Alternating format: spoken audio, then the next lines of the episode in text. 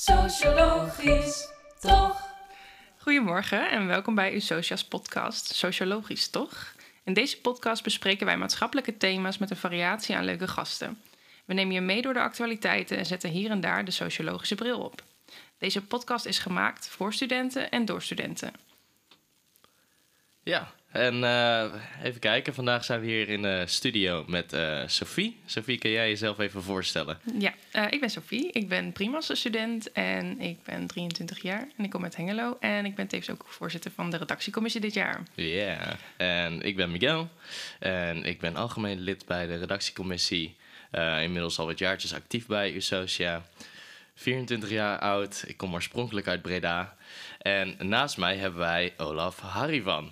Olaf, kun Yes. jij eh, jezelf even voorstellen? is natuurlijk nou, in ieder geval bedankt dat ik hier mag zijn. Eh, ik ben Olaf, ik ben 19 jaar. Ik eh, kom uit Apeldoorn.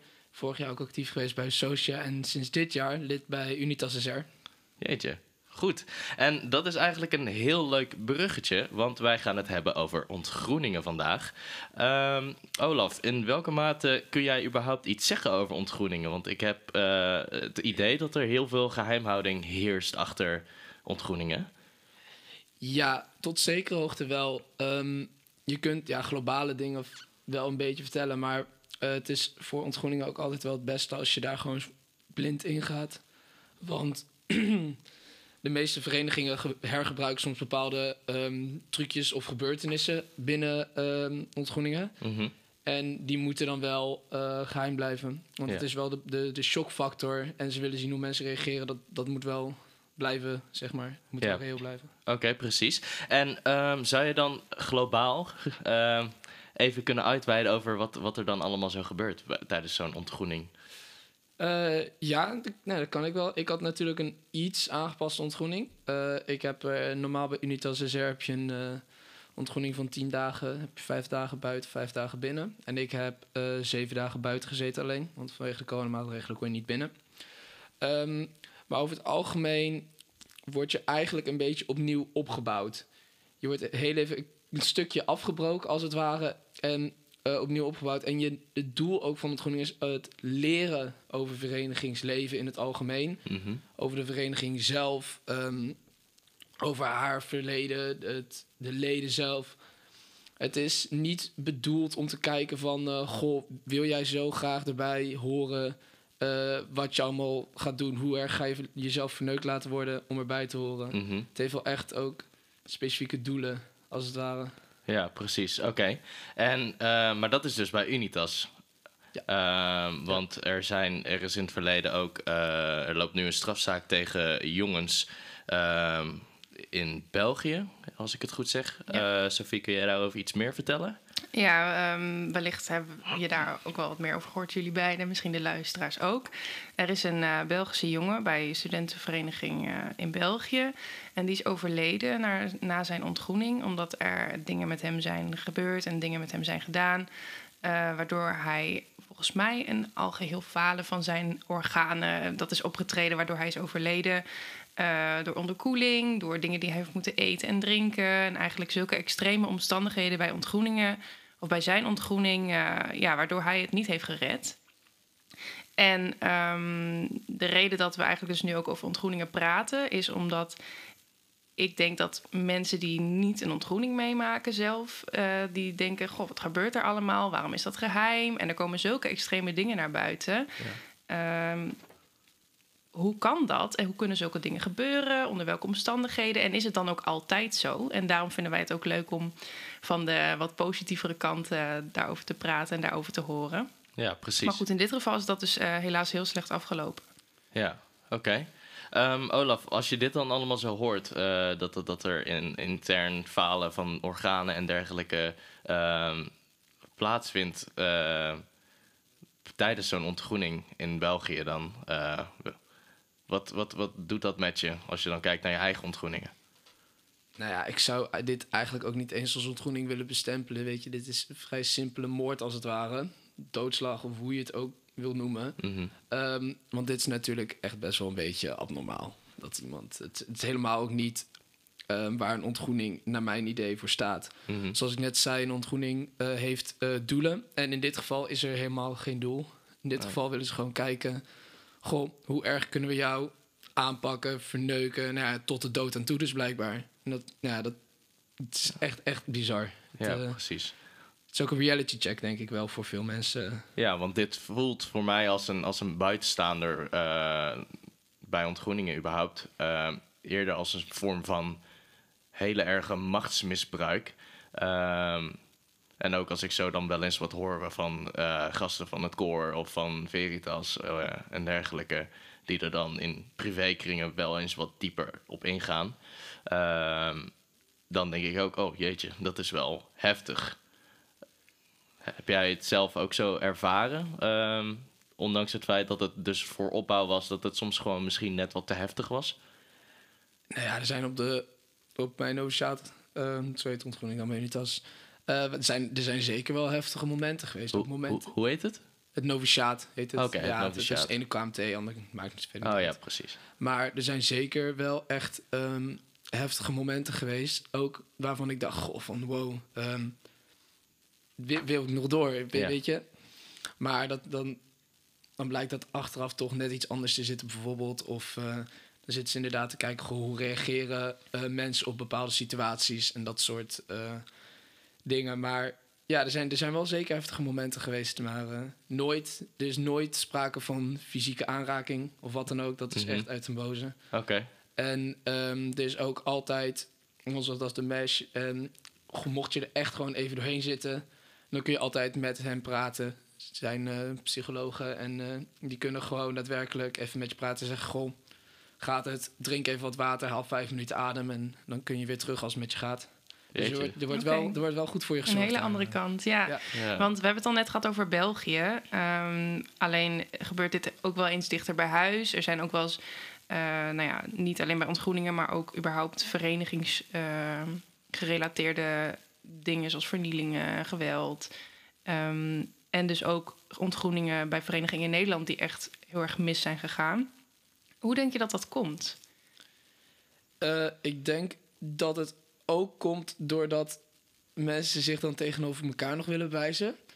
Ehm, en het is ook een, een vorm van kuddegedrag, weet je. We blijven ook gewoon allemaal, stel 19-jarigen tot met 24-jarigen, als het ware, ehm, ja, jongvolwassenen dan, die het nog wel een beetje zoeken in het studentenleven, die nog een beetje links, rechts kijken, goh, wie ben ik?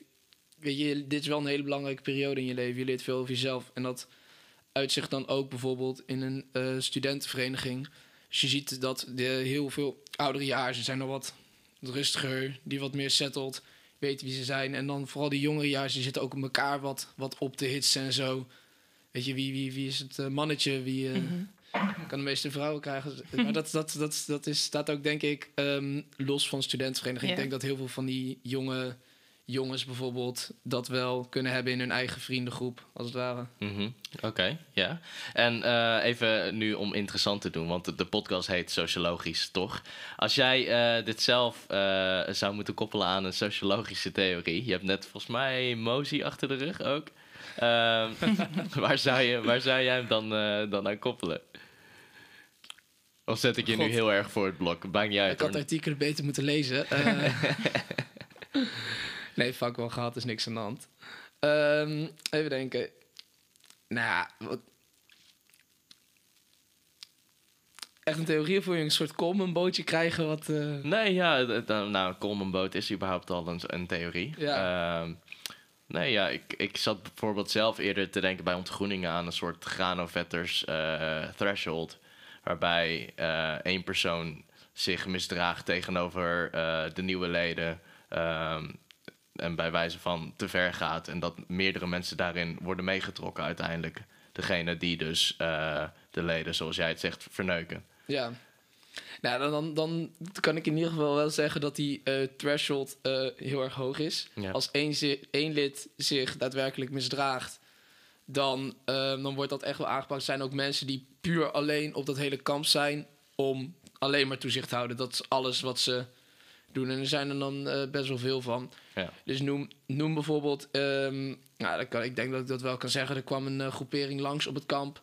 En eh, die waren aan het eten. En er werd een kippenbotje werd dan naar, naar, naar de novieten gegooid.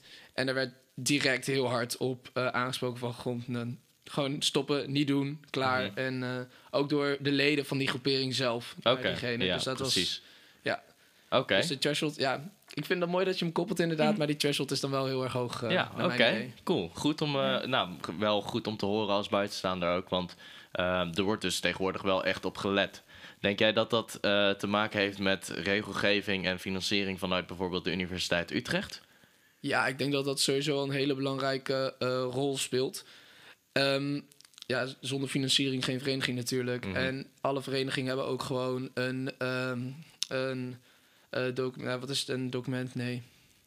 Een verklaring ondertekend dat ze zich Ja. aan de bepaalde gedragsregels eh, zullen houden. Ja, zo'n convenant. Ja, eh, aan de andere kant denk ik ook dat het een beetje meegaat met de tijd. Zo'n een hele ge- door, door slachtafval en alles eh, rennen en naakt door de grachten moeten zwemmen. Alleen voor een vereniging. Dat is misschien ehm, wat minder van deze tijd geworden, als het ware. En ik denk dat dat ook gewoon een soort natuurlijke ontwikkeling is. Mhm. En dat kan misschien anders liggen voor disputen, omdat disputen eh, niet verklaringen of eh, zo'n convenant hebben met de universiteit. Dus in principe is daar minder toezicht op. En dat is ook vaak waar de ontgroeningen eh, fout gaan. Dus bijvoorbeeld bij AC, AVSV. Eh, recent, dat... eh, Bij Atomos, eh, volgens mij. Of ja, dat wa- maar dat, dat zijn inderdaad eh, disputen. Dat zijn niet verenigingsontgroening zelf, maar Mhm. dat is eh, van disputen. Ja. En eh, nou ja, zo reuze, reuzig om, in dit, om het beestje bij de naam te noemen in België inderdaad. Mhm. Dat was ook niet een grote vereniging. Dat is ook inderdaad een eh, kleine groep elitaire jongens. En Ja. dat ga- ja. In zo'n Ja, kleinere precies. kring gaat het ook misschien wat sneller fout. Want dan is dat helemaal heel hecht. En eh, ja. Ja. daar is ook een bepaald, bepaald soort ehm, ja, gevoel voor geheimshouding is, is, is daar misschien nog wel groter. Mhm. Als je met een kleine groep bent waar je echt, echt ook heel erg hecht mee bent, dan is het misschien makkelijker om ehm, inderdaad ook voor elkaar gewoon helemaal je mond dicht te houden over alles. Ja, Ja. En dat zag je ook minder, in Reuzegom. Minder, soort, minder toezicht, omdat er minder mensen zijn die, eh, die er wat mee te maken hebben. Waardoor je als clubje misschien wel zegt, het blijft toch onder ons. Dus we doen gewoon eh, waar we op, ons op dat moment goed bij voelen.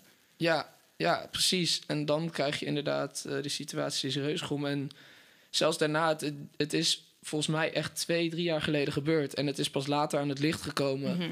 Eh, omdat ja, ze hadden hun telefoons vernietigd. Ze hadden eh, ouders gebeld en die hadden de, de vereniging was opgeheven, geloof ik. Er was echt van alles gedaan om maar te zorgen dat het niet traceerbaar was. Ja. Wauw. Hey, en is er een moment geweest in jouw ontgroening, zonder te veel op details in te gaan, waarop jij dacht: dit zou wel eens mis kunnen gaan? In de zin van de grens naar een hele extreme eh, activiteit of, of iemand die misbruik maakt van een bepaalde situatie ligt nu heel dichtbij? Eh, ik heb niet per se ehm, gehad tijdens mijn uh, noviciaat dat ik dacht van... Goh, oké, we gaan nu heel dicht, dicht, dicht aan de grens zitten. Eh, maar er is wel een situatie geweest waarvan ik... Daar waarna ik wel even heb getwijfeld van... Goh, ehm, wil ik dit wel? En ik Mhm. kan niet eh, die situatie Nee. eh, daadwerkelijk opnoemen. Maar er is wel inderdaad een eh, situatie geweest die zich voordeed. En dat ik toen wel even ehm, een uurtje of eh, twee, drie heb nagedacht van... Goh, is, is dit wel wat ik, wat, ik- wat ik, waar ik bij wil als het ware? Ja, Maar ja, dan alsnog, je zit hier als eh, volwaardig lid van Unitas, naar mijn idee. Heb je je das al verdiend en, en Ja, zo? ja, ja. dat, Oké, eh, ja. Maar eh, de, door corona is de inauguratie eh, en alles is heel erg uitgesteld. Dus ik ben nu al een paar maanden nog steeds nuldejaars. Eh terwijl ik eigenlijk al oké. een moet zijn, maar dat maakt ook verder niet uit. In principe ben ik, ben ik nu gewoon lid, inderdaad. Ik heb ehm ehm, een das verdiend. Ik ben ook gevraagd voor een dispuut. Dus Oké. ik ben daar nu ook eh, mee bezig. Dus ik moet daar ook inderdaad ook nog een, eh, een geruime tijd ehm, een, eh, een eh, KMT verlopen, als het ware. Ja. Maar die zit iets anders in elkaar dan een normale KMT. Maar eh, nee, ik ben wel gewoon nu voorwaardig lid. Dus ik ben er wel mee doorgegaan toen. Oké, deel je het wel met ons als het, eh, als het allemaal fout gaat? Dan zie je hem op AD staan. Ja. Heel goed. Hey, en nog even één vraag eh, over de ontgroeningen ehm, voordat we doorgaan naar het volgende onderdeel. Ehm, ja, bij Unitas noemen ze het het noviciaat. Ehm, bij eh, volgens mij het USC noemen ze het de, de KMT, de kennismakingstijd. Zit er denk jij een bepaalde re- reden achter ehm, dat het beestje niet echt meer bij de naam genoemd wordt, maar er nu een nieuwe, nieuwe eh, naam voor is in plaats van gewoon een ontgroening. Ja, ja daar, zit, daar zit echt wel. Als, als je eh, bij, de, bij het woord ontgroening zit natuurlijk nu een hele. Het is een heel beladen woord. Mhm. Ehm, daar zit allemaal stigma achter. En dan moet je ook denken, want het is helemaal niet zo lang geleden dat het echt mis is gegaan. Ook bij verenigings. Denk bijvoorbeeld ook aan Vindicat, toen iemand op mijn hoofd ging staan van een. En het is. Ontgroening is zo een. Ja, een woord met een stigma erop, dat dat niet meer gebruikt. Gewo nou, mensen willen het niet meer gebruiken. En het. Het weergeeft ook niet helemaal meer waar het om draait. Zeg maar, waar het vroeger inderdaad meer een ontgroening was en gewoon kijken hoe ver je wil gaan Mhm. is het nu inderdaad een kennismakingstijd. En dan maak je inderdaad kennis met de vereniging en haar leden en haar tradities. Ja, Dus ik denk dat, het, dat de eh, focus ook wat meer geshift is als het ware. oké, ja. Dus er- het is niet alleen de naam die is veranderd, maar ook het gebruik. Het, ja, het gebruik en ik denk ook wel echt het gedrag. Dat dat, en dat is ook hartstikke goed. Ja. Maar dat is, dat is wel mee veranderd inderdaad. Oké, mooi. Ehm, even kijken, dan hebben we Gaan nog even stellingen, wat stellingen ik? inderdaad. Ja. Ja. Ja, oké. Stelling nummer één. Ontgroeningen, of wat je het ook nu wil noemen, eh, zijn niet meer van deze tijd. Ehm nou, nee, ik ben het daar niet helemaal mee eens. Ehm, er zijn ook eh, verenigingen ehm, zonder ontgroeningen tegenwoordig. En dat is ook helemaal prima. Maar ik denk dat een eh, ontgroening losstaat van in welke tijd we zitten, ehm, wel heel veel bij kan dragen aan je. En dat je ook meer weet waar je bij gaat, met wie en hoe. Het heeft echt wel een grote leerfactor. Ehm, dus ik zou het nog, ja, ik vind het nog wel van deze tijd, maar dan wel in de huidige vorm natuurlijk. Ja. ja, ik kan me daar ook enigszins wel iets bij voorstellen. Want als je met een bepaalde groep eh, zo'n ontgroening doorloopt, dan schept dat toch een band met mensen die ook die ontgroening eh, door moeten. En ja, ik denk dat het algehele idee van bij een vereniging gaan is natuurlijk vrienden voor het leven maken. Dus, dus dat versterkt denk ik ook eh, al direct die band. En in, in die zin begrijp ik wel dat als je nog niemand kent, dat dit dan misschien wel de manier is om, om, eh, ja, om te starten met elkaar. En, eh, en je studententijd op die manier te beginnen. Dus enigszins, ja, als we dan ook onze Ja, mening ben gaan benieuwd, geven, ben ik het ook eh. wel op zich met je eens. Ehm, maar van buitenaf is het wel een soort grijs gebied, omdat je natuurlijk nooit weet in hoeverre dat dan, of hoe ver dat dan gaat en, en hoe goed dat gaat. En ja, dan, dan heb je wel eerder de neiging om te denken: eh, doe maar niet, want het gaat zo vaak mis. Je wil natuurlijk liever dat alles eh, wordt, wordt afgekapt dan dat er één iemand slachtoffer wordt. Ja. Maar goed, aan de andere kant is- is dat, is dat ook een uitzondering op de regel. En als we jou mogen geloven, dan gaat het super vaak eh, wel heel goed. Ja, precies. En Ja, en natuurlijk wordt er alleen maar verslag gegeven van de keren dat het fout gaat, want Ja. dat is interessant. Ehm, dat je ooit ehm, ergens door de modder moet kruipen of, of eh, voor de derde keer op, op rij in een nacht gewekt wordt of zo. Ik denk niet dat dat, ja, ik denk niet echt dat dat, dat, ja, mentale sporen achterlaat Nee. uiteindelijk. Inderdaad, en inderdaad, het komt niet op tv. Het is niet heel interessant voor de media. Ehm, Nee, en dat is natuurlijk ook een eh, sociologisch aspect. Hoewel ik nog maar net begonnen ben met de primaster, weet ik wel dat dingen op het nieuws eerder negatief zijn dan positief. En eh, mensen zijn vaak ook eerder negatief over hun omgeving dan over zichzelf. Dus, dus Ja. je hebt vaak een slechter beeld van wat er gebeurt dan hoe erg het daadwerkelijk is door Ja. al die negatieve bevestiging daarvan. Ja, precies. Ja, hele goeie.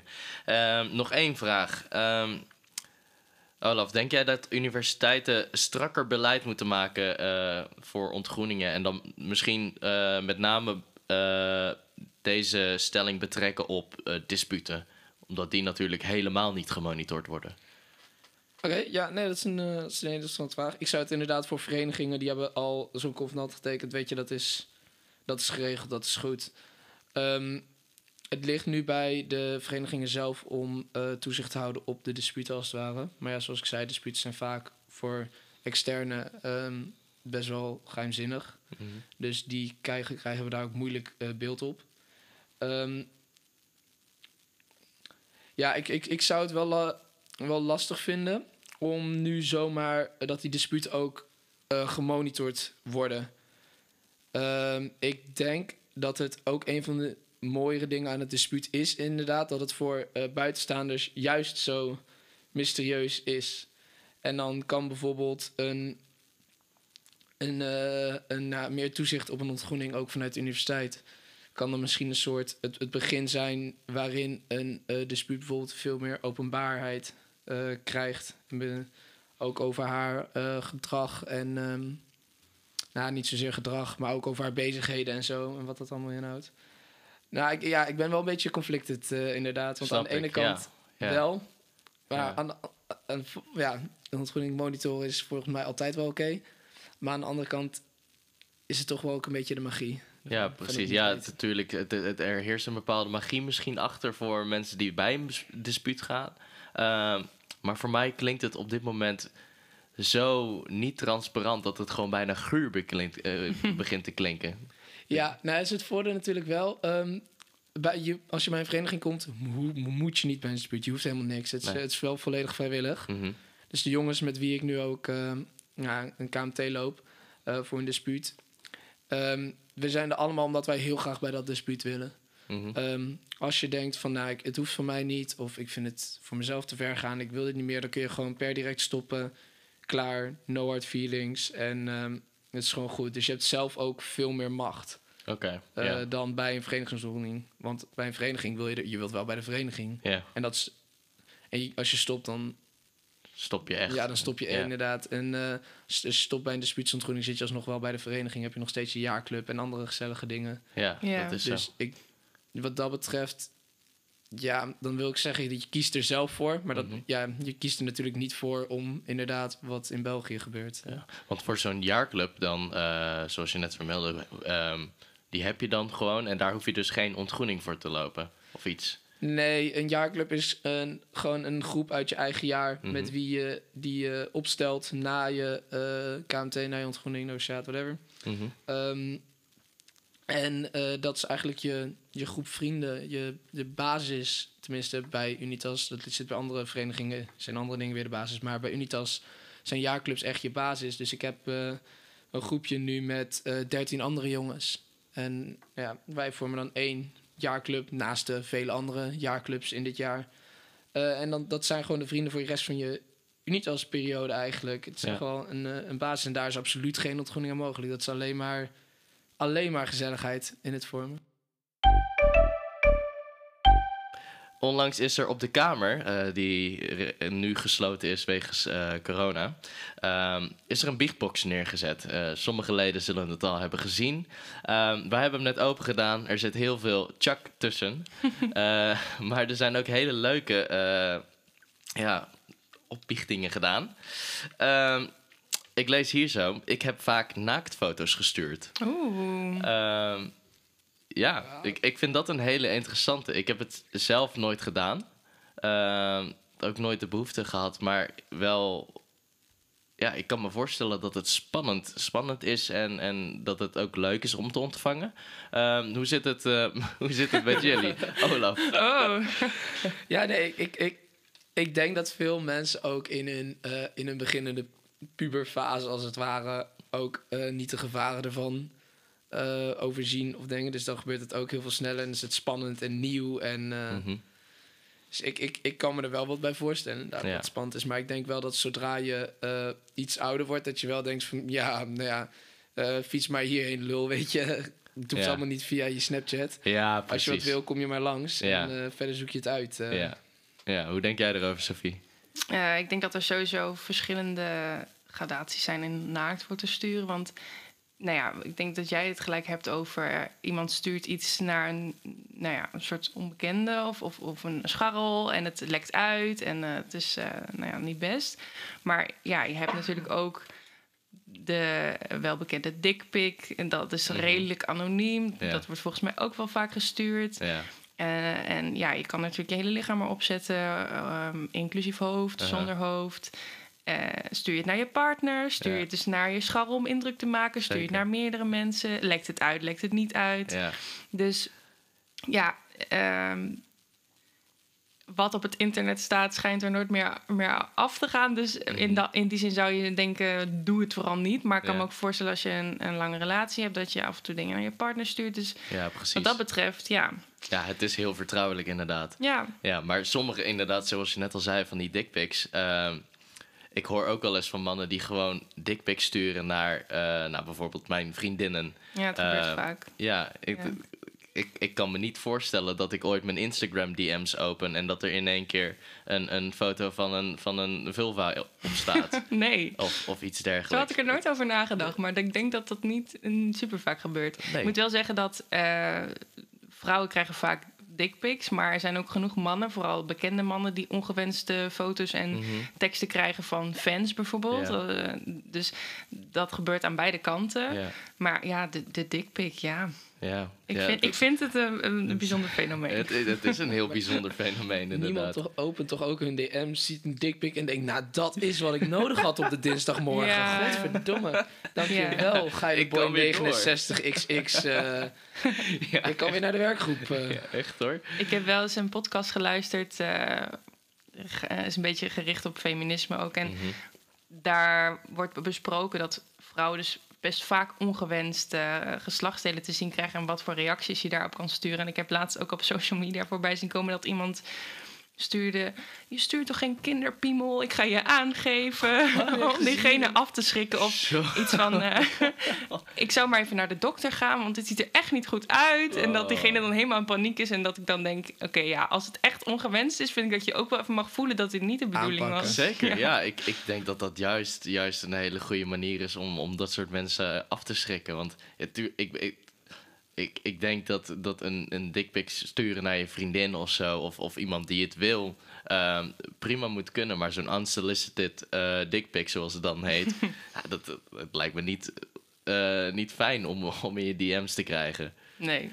Maar laten we doorgaan naar eh, de Oh, volgende. Ja, we hebben, ik heb er twee uitgekozen net. Ehm, vorig jaar heb ik dronken over mijn bed heen geplast. Haha. Haha. De haha staat er echt. Nice. Ja, kan Eh, gebeuren. Ja, Ja. bed, bedplassen, ook een, eh, een leuk fenomeen. Ehm, ik denk, ja, onder, onder mensen van onze leeftijd komt het niet per se super vaak meer voor, maar er kan wel eens een ongelukje gebeuren. Ehm, hoe, hoe oud waren jullie toen jullie voor het laatst eh, in je bed plasten? Of tenminste, naar, naar je herinnering. Ik heb echt geen idee. Nee? Oh, ik-. Nee, Ik, heb het, ik, heb, ik, ik was best oud, volgens mij. Ik denk dat ik 11 of 12 was. En dat ik, dat ik ehm, ooit. Dat was eh, dat wordt een hele openbaring, dit. Ehm, maar dat ik ging kamperen. eh, toen nog met, eh, met, eh, met de toenmalige vriend van mijn moeder. ehm, en zijn kinderen. eh, en dan mijn zusje erbij. Camping de Roos. Eh, ik weet niet meer waar het ligt, maar ik vond het vreselijk. En ik vind kamperen eigenlijk ook helemaal niet zo leuk. Want dat was mijn eerste keer kamperen. en nou, ik, ik, ik, ik lag zo. Ik weet niet, ik, ik, ik, ik, het was zo warm in die tent. En ik had te veel gedronken, denk ik. Te veel water gedronken. ehm, of frisdrank. En eh, ik kan me nog heel goed herinneren dat 's ochtends mijn hele slaapzak doorweekt was. Ehm, en dat ik naar mijn moeder liep en dat ik Oh. zei: Mam, het heeft geregend in de tent. Oh. Dus ja, dat is mijn laatste ervaring. oh. Nou, onschuldig op mij. Ja. ik dacht, nu ga je vertellen. Ik was super zat en eh, toen heb ik... eh, Nee, ik was elf. Ik Ja. was Nee, nee, elf. nee, ja, dat snap ik. Ja, Nee, ik ja denk- dat kan. Ik denk dat ik wat zeven of acht was. misschien, Ja, Het most. ja. Ik heb nog wel een keertje, dat was toen, eh, toen ik eh, eh, 15 was. Toen heb ik in mijn. ehm, toen had ik voor het eerst was ik helemaal dronken en zo. ja. Toen heb ik wel in mijn bed eh gebarfd. Oh, Dus oh. dat, was ook, dat was ook bad. Dat was Oh, ook dat heel- is toen ben ik gewoon ook gaan slapen. En toen, eh, en toen mijn vader s, ochtends binnenkwam, want die, die was al niet blij dat ik zo was thuisgekomen. Toen die, die, die geur en eh, nou ja, het was een, eh, Hey, het heel een naar. gedoe. Heel naar. Ja. Ik heb wel een keer over dronken over mijn pa- paspoort heen geplast. Eh, op de, wat, Nou, hij lag gewoon op mijn nachtkast. Eh, ik weet niet meer waarom. Volgens mij had ik toen even geen ID, dus ik nam mijn paspoort overal mee naartoe.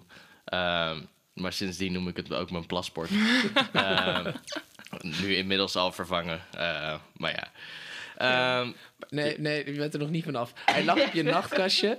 ja. En hoe, hoe Ja, ik, dacht je, ik, ik moet over mijn nachtkastje heen plaatsen? Dat vind ik Dat vind ik ook al bijzonder. ja, ik, denk, ik denk dus heel, heel dronken in een soort van halve slaapwaas nog eh, bij jezelf denken: oh, ik sta over de pot heen. En in één keer, ja, daar ligt het. En ook niks gemerkt tot de volgende ochtend mijn moeder binnenkwam en die zei: Wat heb jij nou weer gedaan? Oh. Hoe Dus oud ja. was je? Ja, eh, ik, denk, ik denk dat ik destijds eh 18, 19 was of zo. Dus eh, Ik wou zeggen, dan kan het nog, maar Olaf is 19 Ja, heb dat ik is- gegeven. Dus dan eigenlijk. ja, Olaf, het komt nog, hè? Ja, wie weet. Hey, ehm, misschien is het leuk om nu ook een oproep te doen om vooral je, eh, je zeg maar, geheimen te blijven delen met de Biegbox. Ja, zeker. Het is eh, compleet anoniem en eh, er komt, als het goed is, een volgende editie van deze podcast. Dus eh, als jij het leuk vindt om jouw geheim met ons te delen, dan eh, staan we daar zeker voor open. En dan meld je vooral eh, anoniem in de kamer. Ja, zeker. En eh, ook vooral, mocht je nog iets denken eh, toe te kunnen voegen aan de podcast, eh, laat het ons even weten.